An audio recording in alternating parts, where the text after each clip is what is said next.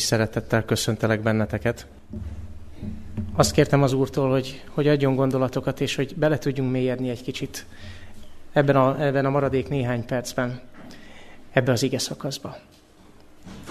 Ismeritek jól a hét gyülekezet megszóló levelet, igaz? Lehet, hogy van, aki most hallotta először, de alapvetően hetednapi adventistaként gyakran halljuk ezt a hét gyülekezet, ezt a hét gyülekezeti levelet jelenése könyve második és harmadik fejezetéből.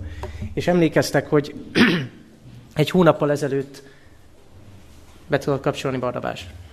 Mármint aktívá tenni az ablakot. Köszi. Nem aktív az ablak. Kibe? Oké. Okay. Nem baj, majd integetek. A történelem megismétli magát, nem baj, majd úgyis lesz szó egy kicsit történelemről. Tehát szeretném, hogyha megnyitnánk az igét, és mindazt, amit a fiataloktól most hallottunk, egy kicsit, egy kicsit más szemmel újra átnéznénk.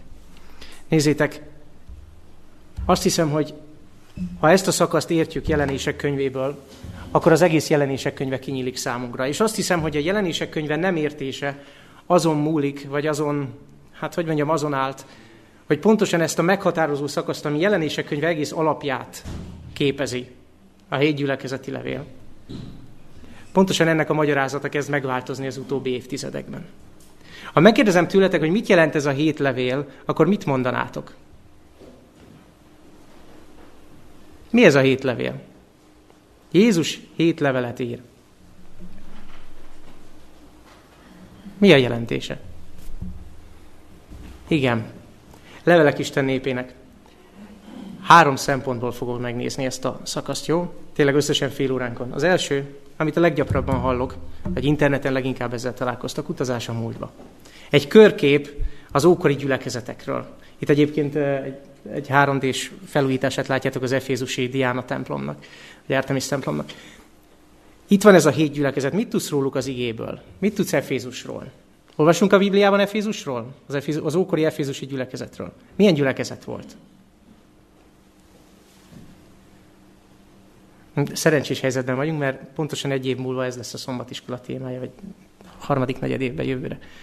Az Efézusi gyülekezetről tudunk talán a legtöbbet. Van nekik egy levél, szólóluk három fejezet apostolok cselekedeteiben. Tudjuk, hogy el, először nem tudtak, tehát hallottak már a keresztségről, meg is keresztelkedtek, de nem tudták, hogy szent lelket lehet elnyerni. Ugye elég sok történetünk van. Pálapostolnak az egyik legjobb levele szól nekik. Legalábbis nekem személyes kedvencem. Na, amit tudtok a Smirnoveli gyülekezetről? Ugye? Én is csak így nézek. Nem, semmit. Képzeljétek el, hogy a, a hét gyülekezetből összesen három van említve. Összesen három van említve máshol a Bibliában, de Tiatira is csak annyira, hogy volt ott egy Lidia nevű bíborárus asszony, és kész, vége. Mennyire releváns nekünk egy ókori történet? Hogyha kinyitod Jézus Krisztus kijelentését, tudjátok, az apokalipszist, a kijelentést, amit boldog, aki olvassa, és abban a boldogságban részesülsz, hogy hét ma már romokban álló városról olvashatsz, aminek semmi relevanciája nincs számodra.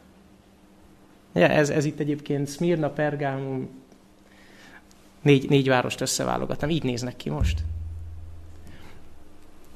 Van egy jobb. Van egy jobb verzió. Hét levél. Hét levél neked. Felolvassuk ezt a hét levelet, felolvasták a fiatalok, és láttátok, hogy ott van Jézus Krisztus. Újra csak, újra csak ő mutatkozik be. Ugyanúgy bemutatkozik, mint ahogy az első fejezetben, ha emlékeztek, még elég, elég érdekes felfedezést tettünk, hogy gyakorlatilag az egész, jelenések egész első fejezete Jézusról szól. És a második, harmadik fejezet sem más. Mert ez Jézus Krisztus kijelentése. Mert Jézus Krisztus szeretné az Atya ide a középpontba állítani számunkra. És újra csak ugyanaz tudom mondani, mint, mint pár héttel ezelőtt, hogyha jelenések könyvének a középpontja nem Jézus Krisztus, akkor tettünk. Mind a hét gyülekezet úgy kezdődik, és ugyanaz a szerkezete. Jézus bemutatkozik, utána elismerő szavakat mond, ha mond, utána kritikát mond, ha mond, és utána ad egy tanácsot, mond egy felhívást, és végül tesz egy ígéretet. És nézzétek meg ezek a bemutatkozások, hogy néznek ki. És azt hiszem, hogy amikor a hét levelet tanulmányozunk önmagunk számára, ezekre hangsúlyt kell tennünk. Hogyha nem Krisztus szemével, Krisztus szempontjából vizsgálod ezt a hét gyülekezetet. Ha a jelenések könyve, ha a jelenések könyve nem Jézus szavaként szól hozzád, célt évesztettél. Nézzétek őt, jobb kezében tartja a hét csillagot. Mi a hét csillag? A hét gyülekezet. Jár a hét tartó között. Mi a hét tartó? Hol van ez? A mennyei templomban, ugye? Végzi a közbenjárást. Érted? Értem. Ő az első és az utolsó halott volt és él, ezt mondja Szmirnának. Emlékeztek, erről beszéltünk a múlt alkalommal. Ő az, aki a feltámadásnak, a reménységünknek a kulcsa. Nála van a két élő éles kard. Jézus beszéde az ige. De nem valami tompa beszéd, nem valami felületes beszéd. Az ő beszéde élő és ható. Eljut a szív megoszlásáig. Szíven szúr. Ő az, akinél van az isteni hét lélek, őtőle van a szent lélek. Ő a szent és igaz, akinél Dávid kulcsa van, és ő az ámen, a hű és igaz bizonyság, az Isten teremtésének kezdete, igazából fejedelme. A hét levél neked is szól, mert lehet, hogy te vagy az. Lehet, hogy te vagy az, aki az első szeretetet elhagyta. Lehet, hogy én vagyok az, aki az anyagiak szeretete miatt másokat botránkoztat, ugye ez volt Bálám tanítása. Emlékeztek? Lehet, hogy én vagyok az, aki a saját vágyaimat helyezem minek felé. Kevesen tudják, ez a Nikolaiták cselekedete, amit kétszer is elmond a hét levél. Ott van Jézabel, aki a világot és a bálványimádást behozza az egyházba. Ott van Laodícia langyos kereszténye, amiről elég sokat beszéltünk már erről a szószékről. És itt zárójelben mondom, hogy csak én, és ez, ezen kívül még, még több előadó, akik itt álltak, de csak én magam háromszor beszéltem Laodíciáról, a Laodícia üzenetről. A YouTube videóhoz majd oda csatoljuk ezeknek a, a linkjét, hogyha szeretnétek megnézni, mert most részletesen nem megyek bele. De szeretném, hogyha értenénk, hogy ezeknek a leveleknek megvan a maga relevanciája ránk nézve, személyesen. Van egy barátom, néhány évvel ezelőtt azt mondta nekem, hogy olvasom jelenések könyvét, és belakadtam ebbe a mondatba. Az a nevet, hogy élsz, de halott vagy. Azt mondja, ez mintha én lennék. Megkeresztelkedtem x évvel ezelőtt, mondja nekem is. Az a nevem, hogy élek, az a nevem, hogy keresztény vagyok. De úgy érzem, hogy a vallásom az pusztán hideg formaság, formalitás. Hogyha te vagy ez az ember, akkor Jézus tanácsa neked is szól. És nézzétek, hogy mit ismételget mind a hét levélben Jézus újra és újra. Térj meg, térj meg, térj meg, térj meg. Ugye? Emlékezz, honnan estél ki, itt van az indulás. Védj tőlem tűzben megpróbált aranyat. Légy forró és térj meg. Újra és újra a megtérésre hívás van ezekben a levelekben. Mit jelent megtérni? Kevéssé látszik a fény miatt, de talán ismeritek Rembrandtnak ez a híres, már-már klisé képét a tékozló fiút. Megtérni nem azt jelenti, hogy betérsz egy vallásban, vagy választasz magadnak egy egyházat. A megtérés, amire Jézus hív, az visszatérés, visszafordulás, mint a tékozló fiú. Hazatérni az atyához. És hogyha komolyan veszed azt, hogy ez a kritika neked szól, és a felszólítás neked szól, akkor az a jó hírem, hogy az ígéret is neked szól. Mind a hétszer. A győztesnek enni adok az életfájáról. A győztesnek nem ártat a második halál. A győztesnek új nevet adok, egy fehér kövecskén. A győztes együtt ül velem a trónon. Szeretnélek benneteket biztatni, hogy vegyétek a kezetekbe jelenések könyve hét levelét, és bátran vonatkoztassátok magatokra. Mindegyik levél megszólító. Mindegyik levélben felhívás van, mindegyik levélben ígéret van. De mi a legfontosabb nézőpont? Mi a hét levél legfontosabb nézőpontja, amit itt felolvastak a fiatalok? Hogy mondjak egy, egy nagyon egyszerű, vagy hagy hozok egy nagyon egyszerű hasonlatot, szintén a Bibliából. Azt olvasom jelenések könyve első fejezetében, hogy küld el ezt a hét üzenetet annak a hét ázsiai gyülekezetnek. És azt mondod, hogy rendben, ez hét ókori ázsiai gyülekezet. De vegyünk egy másik ókori ázsiai várost, Jeruzsálemet, és a Jeruzsálemi templom ígéretét, amit az Úr tett Dávidnak. Dávid templomot akar építeni, és az Úr azt mondja neki, hogy nem te fogod a templomot felépíteni, hanem ki fogja a templomot felépíteni? Ki építi fel a templomot? Hangosan. Biztos? Biztos? Azt mondja, nézzétek csak az igét. Mikor pedig a te napjaid betelnek, és elalszol a te atyáiddal, Dávid elalszik az atyáival. Rendben. Feltámasztom utánad a te magodat, amely a te ágyékodból származik, és megerősítem az ő királyságát. Ő fog, az fog házat építeni az én nevemnek, megerősítem az ő királyságának trónját. Meddig? Jártatok már a Salamoni királyságban, ami örökké áll? Salamon azt jelenti béke. Jártatok arra? Vannak barátaim, akik épp most jártak arra. Meg lehet őket kérdezni a katonai ellenőrzésre, még bejutsz, meg kijutsz. Megerősítem az ő trónját mindörökké, és leszek néki atya, és ő lesz nékem fiam. Csak eddig idézem, mert innentől kezdve tényleg Salamonról szól. Ha védkezik, megbüntetem, stb. De eddig mi az elsődleges jelentése? Salamon? Hmm. Zakariásnál azt olvasom, hogy ő, azaz Krisztus fogja megépíteni az Úr templomát. Nagy lesz az ő dicsősége. Ülni és uralkodni fog az ő székében. Dávid helyén fog uralkodni. Az Isten székében fog uralkodni. Mert kinek mondta valaha az angyalok közül, és nézd, mit idéz a zsidók közét levél. Leszek neki atya, és ő lesz nekem fiam. Testvéreim, vannak ókori történetek, ószövetségi történetek, ószövetségi városok, ószövetségi képek, jelenetek, amelyek tényleg lejátszódtak, és tényleg Salamon építette egy gyönyörű templomot, ami a világ legnagyobb csodája volt. Szerintem azóta is.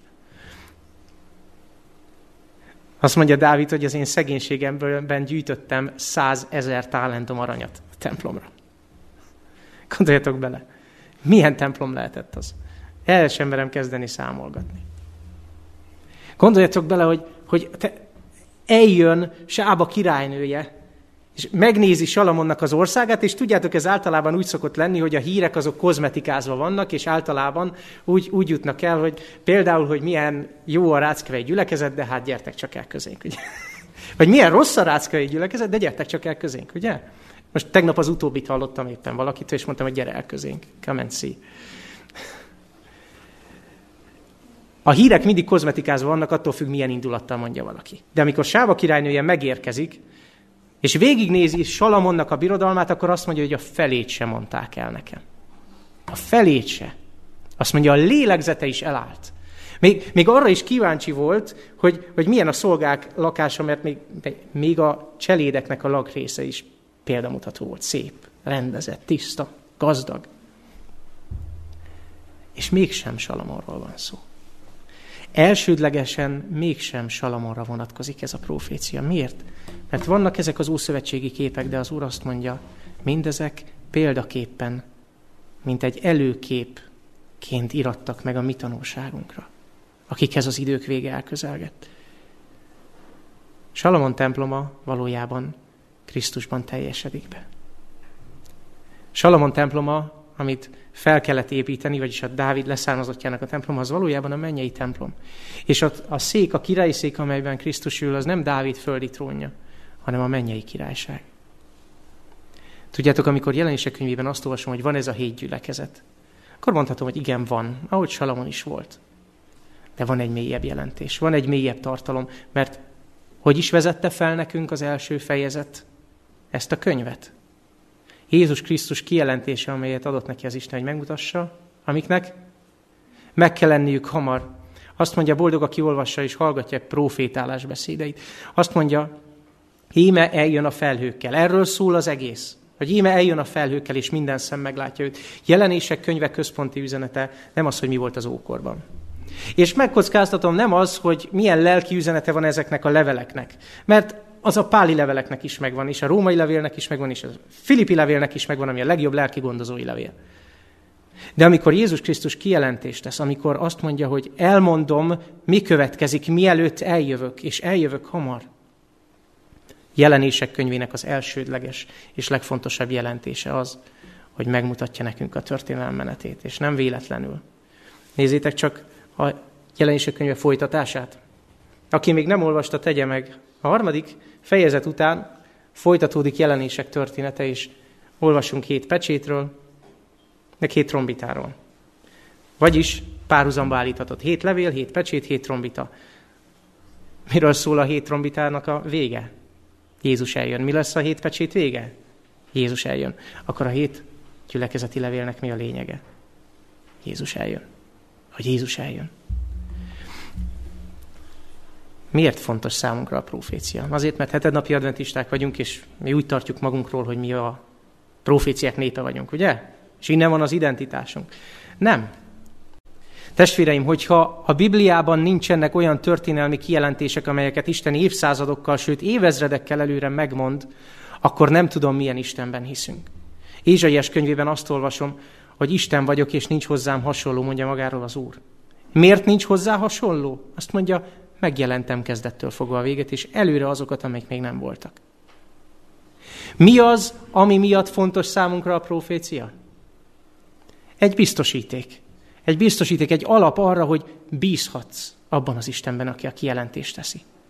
És hogyha ő meg tudja mondani előre a jövőt, akkor meg tudja mondani azt is, hogy a te életedre mi a megoldás. Tud neked kulcsokat adni. Tud neked megoldásokat adni, tud neked olyan tanácsot adni, és tud úgy beszélni a szívedhez, hogy az életedet az üdvösségre vezeti. Az Isten hatalmának a kulcsa, a biztosítéka az, hogy meg tudja mondani előre a jövőt. És egyben van benne egy figyelmeztetés is. Nézzétek csak, mit mond Márk evangéliumában Jézus. Vigyázzatok, előre megmondtam nektek mindent. Ez a profécia lényege. Tartsd nyitva a szemed, de előre szóltam. Nem azt mondja, hogy tartsd nyitva a szemed, azt majd meglátod, mi lesz, hanem felvázol mindent, mindent, amit tudnod kell, hogy ne veszel a világ útvesztőjében. És nem utolsó szempont, amit maga jelenések könyve mond, boldog. Boldog, aki olvassa, és akik megtartják egy profétálás beszédét. Miért fontos a profécia? És a matekosokat kérdezem, um, hány adat kell ahhoz, hogy a síkban egy pontot meg tudj határozni?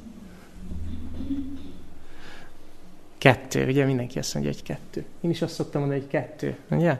Nem. Három adat kell hozzá, csak az elsőről nem szoktunk beszélni. Tudni kell egy origó. Hiába tudod, hogy ez a pont itt kettő vesző három, ugye a koordinátorrendszerben, ha nincs meg az origó, akkor milyen kettő, milyen három. Nem tudom, értitek-e, hogy miről beszélek? Igen, biztos, ugye még megerősítettem nálunk a profétai beszéd, amelyre jól teszitek, ha figyelmeztek. Az origó számunkra a profétai beszéd. Ez a középpont, és onnantól kezdve lehet jobbra-balra menni, amerre az Úr mutatja. De ahhoz, hogy meg tud határozni, ahhoz, hogy tudd a saját utadat, testvéreim, lehet, hogy ez most ilyen nagyon távolinak tűnik, de tudjátok, hogy ha a proféciát az emberek komolyan vennék, ha az adventisták komolyan vennék Jézus Krisztus kijelentését, nem lennének politikai villongások az egyházon belül. Nem lenne az, hogy én beállok ebbe a mozgalomba, én meg beállok abba a mozgalomba. És te miért ilyen oldali vagy, te meg miért olyan oldali vagy. Nem lenne az, hogy fú, milyen jó, nem is tudom, mindenféle aktivistáknak is elmennek a testvéreink, meg, meg, meg szociális evangélium, mindenféle irányzatban megtalálom a mieinket. Mert nincs origó. Mert nincs igen biztos profétai beszéd. Testvéreim, hogyha a proféciát komolyan veszük, akkor itt nincs jobb meg baloldal, meg politikai, ilyen liberális kereszténység, olyan konzervatív keresztény demokrácia, meg stb. Nem lenne helye. De úgy tűnik számomra, hogy a testvéreimet jobban érdekli, hogy mit mond a, majdnem mondtam valamelyik internetes újságnak a nevét, illeszt be, amelyiket gondolod. És a következtetéseinket a jelen hírekből vonjuk le, és nem a proféciából. Nem a profécia az origó, hanem hogy mit csinál a kormány vagy az ellenzék. Mit csinál Brüsszel, vagy mit csinál Washington, vagy mit csinál Moszkva. Ezek az origók, ezek az új origók. Testvéreim, ez régen rossz. Ez régen rossz. Miért nem azt kérdezzük, hogy mit csinál Jézus Krisztus? Mert én azt olvastam az előbb, hogy ott jár a hét gyertyatartó közt. Miért nem azt kérdezzük, hogy mit csinál az Úr? Mert én azt olvasom, hogy éppen közben jár értünk. És közben kijelenti a történelem menetét, kijelenti a történelem irányát hogy téged ne sodorhasson el a tanításnak bármiféle szele. Elfogadod a profétai szót, mint origót, mint középpontot, mint a nulla pontot a koordinátorrendszer közepén. A hét levél legfontosabb és legmagasabb értelemben az egyház útja A-ból B-be. De tényleg. És nagyon érdekes, ahogyan felsorolja őket Jézus, mert egy út mentén helyezkedik el mind a hét levél. Itt szépen sorban, földrajzilag is sorban vannak. Ugye? Amikor, amikor apostolok cselekedeteit olvasod, ott a földrajzi sorrend az csak annyi, hogy Pál így utazott, de aztán hazamegy, aztán megint más mere utazik. Nincs olyan igazi sorrend. Amikor olvasod a páli leveleket sorba, akkor, eh, akkor Galácia nem Korintus után jön, ugye? És nem, nem Galáciát követi az úton Efézus és a többi. Ott nincs földrajzi sorrend. Miért ügyelt erre Jézus annyira, hogy nézzétek meg, milyen szépen sorban egy ívet ír le. A történelem nagy ívét. Mert jelképes. Azért, mert ez az utazás jelképes, és elsősorban jelképes. Elsősorban arra akar tanítani, hogy hogyan jutunk el. Honnan is hova? Honnan hova? Nézzük csak sorba. Efézus. Miről szól az Efézusi levél? Nyugodtan nyissátok ki a Bibliát. Szabad. Hallottuk a fiataloktól, de nem vagyok benne biztos, hogy mind megjegyeztük fejből. Ugye? Mit olvasunk az Efézusnak szóló levélből? Az Efézusi gyülekezetnek mit üzen? Azt mondja, tudom a te dolgaidat. Mindegyikre azt mondja, tudom a te dolgaidat, ismerem a tetteidet, tudom a gondolataidat. Nézzétek meg, Jézusnak mindegyik gyülekezetre pontos gondja van. Mit mond? Tudom, hogy nem szenvedheted a gonoszokat. Tudom, hogy a hamis tanítást nem engeded be. Hol olvasunk ilyet a Bibliában, hogy, hogy volt olyan gyülekezet, ahol aztán nem jutott be senki. Nem lehetett úgy közéjük keveredni. Képzeljétek el, pont az ős, őskeresztény gyülekezetről olvassuk. Az őskeresztényekről olvassuk apostolok cselekedeteiben, hogy az egyebek közül senki nem mert közéjük elegyedni, hanem mindenki tisztelettel nézett rájuk. Azt mondja, nem szenvedheted, sőt próbára tetheted azokat, próbára tetted azokat, akik apostoloknak mondják, és nem azok. Terhet viseltél, béketűrő vagy, az én nevemért fáradoztál, és nem fáradtál el. Ez volt az ős kereszténység. Csak volt egy hiba. Micsoda? Jó, egy apróság. Velem ilyen biztos nem történik meg. Ugye? Ó, de hogy nem. Igazából folyton ezen kapom magam, nézzétek. Az első, szeretetet elhagytad. Itt kezdődik a kereszténységnek a problémája.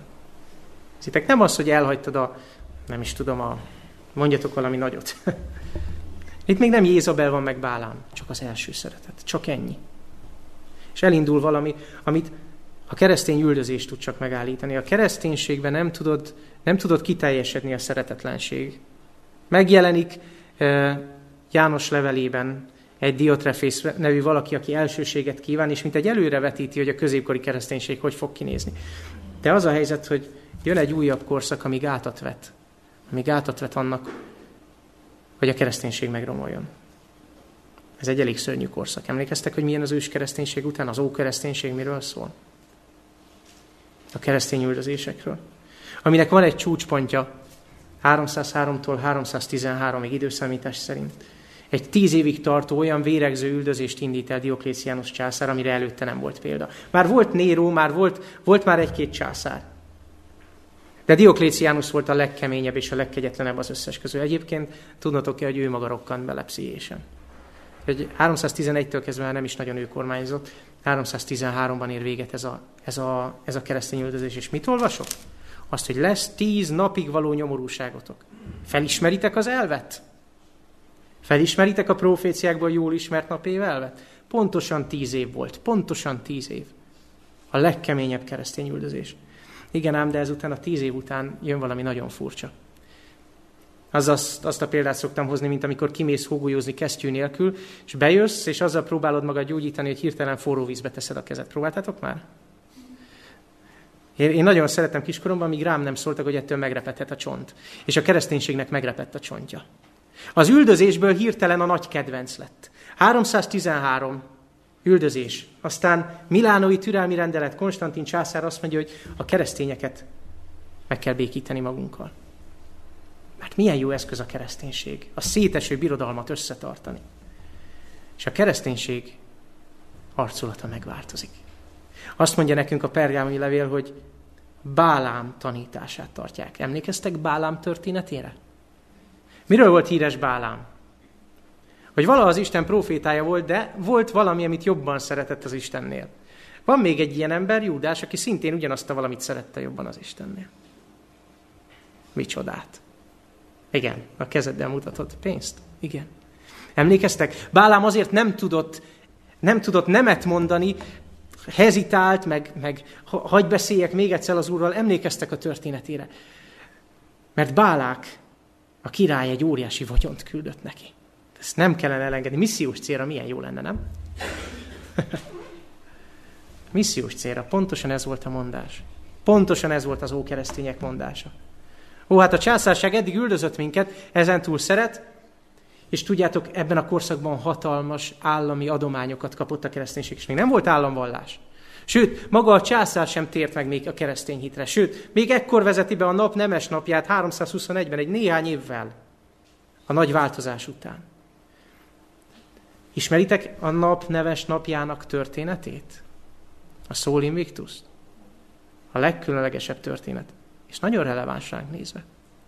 Csak próbáljátok a számokat a fejetekben elképzelni. 313. Hirtelen nagy szabadság a keresztényeknek. 321. A vasárnap állami ünnepnappá válik. Nem keresztény ünnepnappá, pogány ünnepnappá, a legyőzhetetlen napnapja. És az egész birodalom vasárnap ünnepel. Szabad nap, munkaszüneti nap. A 40-es években, 20 évvel később, ez a 340-es évekről beszélek, történik valami a birodalomban. Egy korabeli ókeresztény író Ambrózius azt írja, hogy amikor Milánóban vagyok, akkor nem bőtölök, Rómában bőtölök szombaton. És ez csak egy fél mondat. De tudjátok, ez mit jelentett?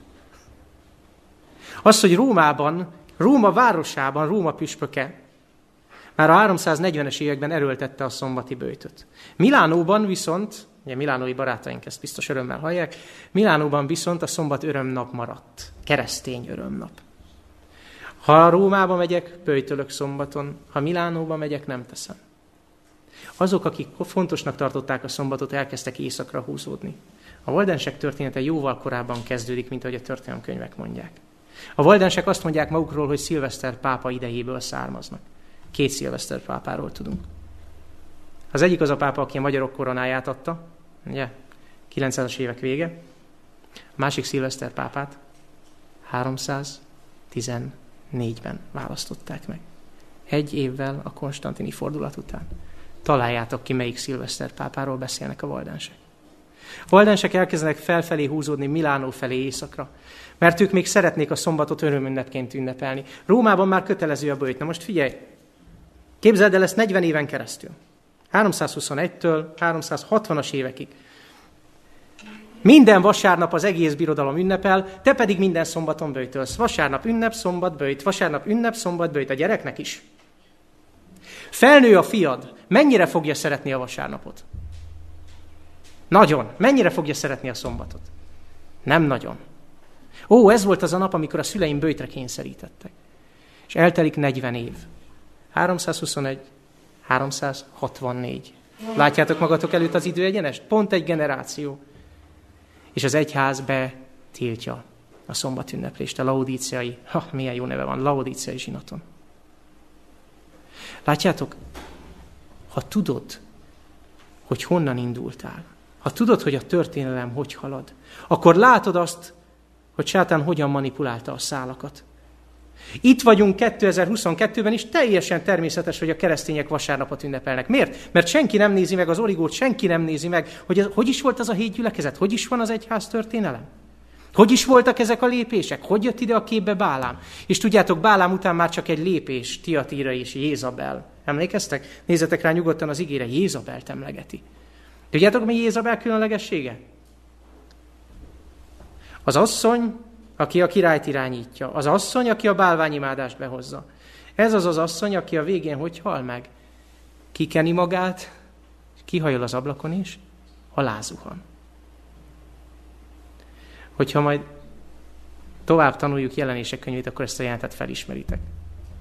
Elesett, vagy leesett Babilon, a nagyváros. Láttam egy parázna asszonyt, akinek a homlokára az volt írva, hogy Babilon. Jézabel Babilon jelképe. Babilon, Jézabel, összefüggő jelképek mit mutatnak? Azt, amikor az egyház irányítja az államot. Egy pogány papnő, vagy inkább vallási érdeklődésű nő. Nem mondom feltétlenül papnak, de hogy behozta az Asera és Baál kultuszt, az biztos. Tehát vallási érdeklődése biztos volt. Irányítja kit? A hisztis férjét, ugye? Aki a nem kapja meg Nábót szülőjét, befordul a fal felé, és mint egy kisgyerek hisztizik. Nem baj, majd én. Nem baj, majd én. Te csak maradj csöndbe. Erről szólt a középkor. Azt mondja nekünk az ige, hogy adtam neki időt is, hogy megtérjen. A leghosszabb idői proféciánk, az egyik leghosszabb idői proféciánk a középkor ideje. De azt mondja a középkorról, hogy a te utolsó cselekedeteit különbek az elsőknél, és neked adom a hajnalcsillagot. Testvérem, a középkor története egész jól végződik. Mi következik a középkor végén? Mi jön a sötétség után? Husz Jánost, amikor az 1400-as években, ezt hiszem 1415-ben megégették, akkor azt mondta a mágián, hogy ma megégettek egy libát. Husz azt jelenti csehül, hogy liba. De száz év múlva jön egy sas, amit nem tudtok majd megégetni, sem lelőni, sem megölni. 1414. 15. És mi jött száz évvel később? 1517. Most volt az évfordulója, csak mindenki elfedkezett róla a Halloween miatt. Igen, a reformáció. Nézzétek, 1517-ben Luther valami olyat merészelt tenni, amit soha előtte senki. És Luther ezért még mindig eretnek, éppen, éppen két évvel ezelőtt beszéltünk róla Évával, küldött nekem egy cikket, és idéztem is itt nektek. Egy Luther átkát nem lehet megszüntetni. Most volt 500 éve, 1521-2021, 500 éve, hogy Luther ki van átkozva, de nem, nem, Luther átkát nem lehet. Luther még mindig a pokolban pörkölődik, ugye, kiátkozva az egyházból. Valami olyan indul el a kereszténységben, amire nagyon régóta nem volt példa. Erővel megindul az evangélium, felfedezi Luther, és vele együtt rengetegen a legfantasztikusabb dolgot tudjátok mit? Hogy a kegyelem ingyen van. Hogy nem kell és nem is lehet érte fizetni. És elfeletti örömében a kereszténység mit csinál? Tudom a te dolgaidat, hogy az a nevet, hogy... Mit mondott itt? A harmadik fejezet első verse. Élsz, de valójában halott vagy. Az a nevet, hogy újjáélettél, hogy megreformálódtál, de valójában halott vagy. Nem keltél új életre. Tudjátok a reformációval mi történt? Már Luther élete vége felé elkezd arról írni, hogy ez az egész megfeneklett. Megkaptuk a vallásszabadságot, és kész. Luther halála után egy néhány év, két évtizeddel a hitviták évtizede következik. Dobálják egymást a luteránusok és az evangélikusok. A, a, bocsánat, az evangélikusok és a, és a kálvinisták, tehát református evangélikus, azaz kálvinista és luteránus. A lövészárok két oldaláról lövik egymást. A következő évszázad ugyanez. A kálvinizmus is ketté válik.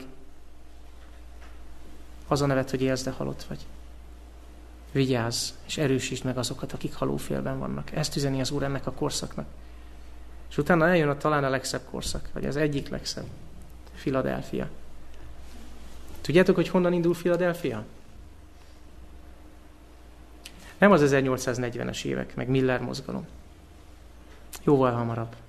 Már John Wesley-vel is társaival, már Cincerdor gróffal, és mindazokkal, akik elkezdték újra felfedezni a Bibliát. Azokkal, akik a Biblia alapjain meglátták újra Jézus Krisztust.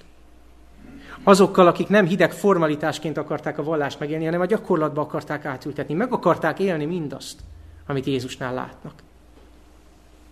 Bibliatársaságok alakulnak. Emlékeztek a Bibliatársaság történetére? Egy kislány, aki az utolsó pénzét nem cipőre költi, hanem elmegy egy lelkészhez, nem tudom hány mérföldet gyalogol, és kér tőle egy Bibliát. Lányok, ki az, aki elcserélni a cipőjét Bibliára? Mármint azt az új cipőt, amit most akartál megvenni. Ja, és nincs is másik cipőt, tök vagy. És ez a kislány nem egy afrikai kislány, ahol jó meleg van, ez egy angol kislány, ahol azért talán az angol barátaink el tudják mondani, egy kicsit esősebb. Ezen felbuzdulva megalapítják az első bibliatársulatot, és a bibliatársulatnak nem az a lényege pusztán, hogy lefordítani a Bibliát sok nyelvre, ezt a reformáció már elkezdte, hanem az a lényege, hogy minden kézbe Bibliát akarnak adni, és az emberek elkezdenek Bibliát kutatni. Magyarországon is elkezdenek Bibliát kutatni. Elmentek Budapesten, ott van a Clark Ádám tér, tudjátok, fent. Tudjátok, ki Clark Ádám? Mi csak úgy ismerjük, hogy ő volt az építész, akit Széchenyinek segített a város megreformálni. Hozott magával egy csomó angol szakembert, akik történetesen bibliások voltak. És azt mondták, hogy hát, ha már elmegyünk ebbe a közép-európai országba, akkor vigyünk bibliákat. Az ő hatásukra lett bibliás szintén egy Rottmeier nevű ember, aki elkezdett bibliákat osztani, aztán a 1840-es években börtönbe is került miatta. Aztán előbb-utóbb ő lett az első magyar, baptista. És aztán, mivel folytatta a bibliakutatást, ő lett az első magyar, na találjátok ki. Adventista. Igen. Mert ha olvasod az igét, ha olvasod az igét, az igen mutatja, merre kell menned. És aztán jön a kedvencem. A két bögre kávé. Direkt mondom, hogy kávé. Az a kereszténység, amiben minden belefér, meg minden is. És közben sem ereje, sem megszólító képessége. Az a kereszténység, amire Jézus azt mondja, hogy ránézek, és a gyomrom valahogy nem. Nem veszi be. És tudjátok, mi az érdekes? Ennek a gyülekezetnek mondja azt, hogy íme az ajtó előtt állok és zörgetek. Ez az a gyülekezet, amelyiknek azt mondja, hogy mindjárt itt vagyok. Ez az a gyülekezet. Nézzétek, hogy, hogy, hogy épül. Azt mondja Efézusnak, emlékezz, honnan estél ki. Mostan az indulás. Aztán utána elmondja kétszer, hogy tartsd meg, ami nálad van, még eljövök. Aztán azt mondja Filadelfiának, de most már eljövök hamar. És végül Laudíciának azt mondja, Laudíciának végül azt mondja, íme az ajtó előtt állok és zörgetek. Ti is, mikor mindezeket tud, látjátok, tudjátok meg, hogy közel van az ajtó előtt. Nézzétek, ugyanazokat a szavakat használja Jézus Máté evangéliumában és jelenések könyvében. Testvéreim, nincs nyolcadik gyülekezet. Tudjátok, miért fontos nekünk a profécia? Tudjátok, miért fontos látnunk, hogy a hét gyülekezet egy ívet rajzol fel? Egy nagyon egyszerű dolog. Egy tudatosságot ad. Testvéreim, a végidőben élünk. Itt a vége. És ez az itt a vége mit jelent számodra? Azt, hogy leáll a szíved annak várása miatt, ami a világra következik, vagy azt, hogy felemeled a fejedet, és várod, hogy megjelenjen az égbolton Krisztus. Ha a híd leveleiből Krisztus megszólítása neked szól, ha a fedések neked szólnak, ha magadra veszed, és magadra veszed az ígéreteket, és ha látod ebben a hét ezt az épületességet, hogy elvezet a második eljövetelig, testvérem, akkor számodra nem számodra nem sokkoló lesz az, hogy Jézus megjelenik az égen. Nem tolvaj lesz számodra, ahogy Pál mondja, ti nem vagytok sötétségben, hogy azon a tolvajmódra lepne meg titeket. Tudatában vagy annak, hogy itt a történelem vége? Hogy nincs nyolcadik lépés. A szeretet, mondja Pál, és ez az utolsó gondolatom, ez az záró igém. Nem illeti gonoszszal a fel a barátot. Nézzétek, hogy folytatja. Azért a törvény betöltése a szeretet. Idáig szoktuk idézni, ugye? Mi a következő vers? Ezt pedig cselekedjétek. Tudnélik a törvényt. Tudván az időt, hogy ideje már, hogy az államból felserkenjünk, mert most közelebb van hozzánk az üdvösség, mint amikor hívők lettünk. Testvéreim, ha valaha ez az ige igaz volt, akkor az 2022. Amikor olvasom újra és újra a háborús híreket, akkor mindig két gondolat van bennem. Bárcsak leállna ez az egész, és lenne egy kis nyugalom. És tényleg azt kívánom, hogy a háború az érjen véget. Tényleg azt kívánom, hogy az Úr tartsa vissza a szeleket. De vajon, ha az Úr visszafogja a szeleket, azt mire akarjuk felhasználni? Arra, hogy tovább aludjunk? Arra, hogy a gyülekezet továbbra is hideg és meleg kávéval próbálja magát ébren tartani? Vagy mindennel, amit, ami a kezébe kerül? Vagy pedig ideje, hogy az államból felserkenjünk, mert az üdvösség van közel hozzánk. Figyelitek, mit mond? Az üdvösség van közel. Vágytok az üdvösségre? Vágytok Jézus országába belépni? Vágytok arra, hogy Jézus azt mondja, hogy itt a vége. Vége van, pont. Nincs több halál, nincs több gyász, nincs több szenvedés, nincs több kiáltás. Mert jelenések könyve így végződik. Jelenések könyve azzal az üzenettel végződik, hogy ott van az üdvösség. Beléptél az üdvösség országába. Személyesen látod az Istent. Vágysz erre az élményre? Ha igen, kérlek benneteket, vegyétek elő jelenések könyvét. Olvassátok. Boldog, aki olvassa és aki megtartja a profétálás beszédeit. Amen.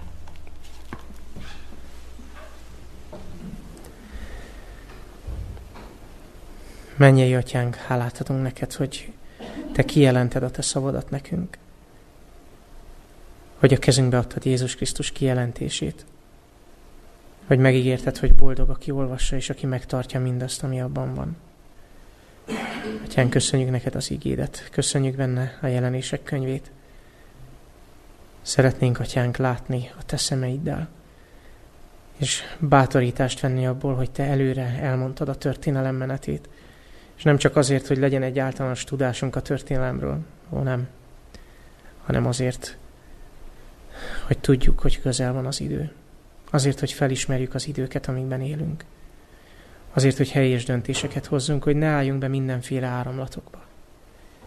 Atyánk, tudjuk, hogy az utolsó napokban most lehetőséget az sátánnak, hogy mindenféle csalással próbálja megvezetni a keresztényeket. Atyánk, segíts megkapaszkodnunk a Te ígéretedben és a Te igéidben. Segíts megértenünk a profétai szót, hogy valóban biztos pont legyen számunkra a Te igéd. Köszönjük, hogy az égében felragyog számunkra Jézus Krisztus. Segíts ezzel a céllal tanulnunk minden nap a Bibliát, hogy minden nap meglássuk őt, azt a szeretetet, amit ő benne mutattál számunkra, azt a megváltást, amit ingyen nyerhetünk általa. Ezért az ő nevében jöttünk hozzád. Amen. Bár jönne már Jézus, hogy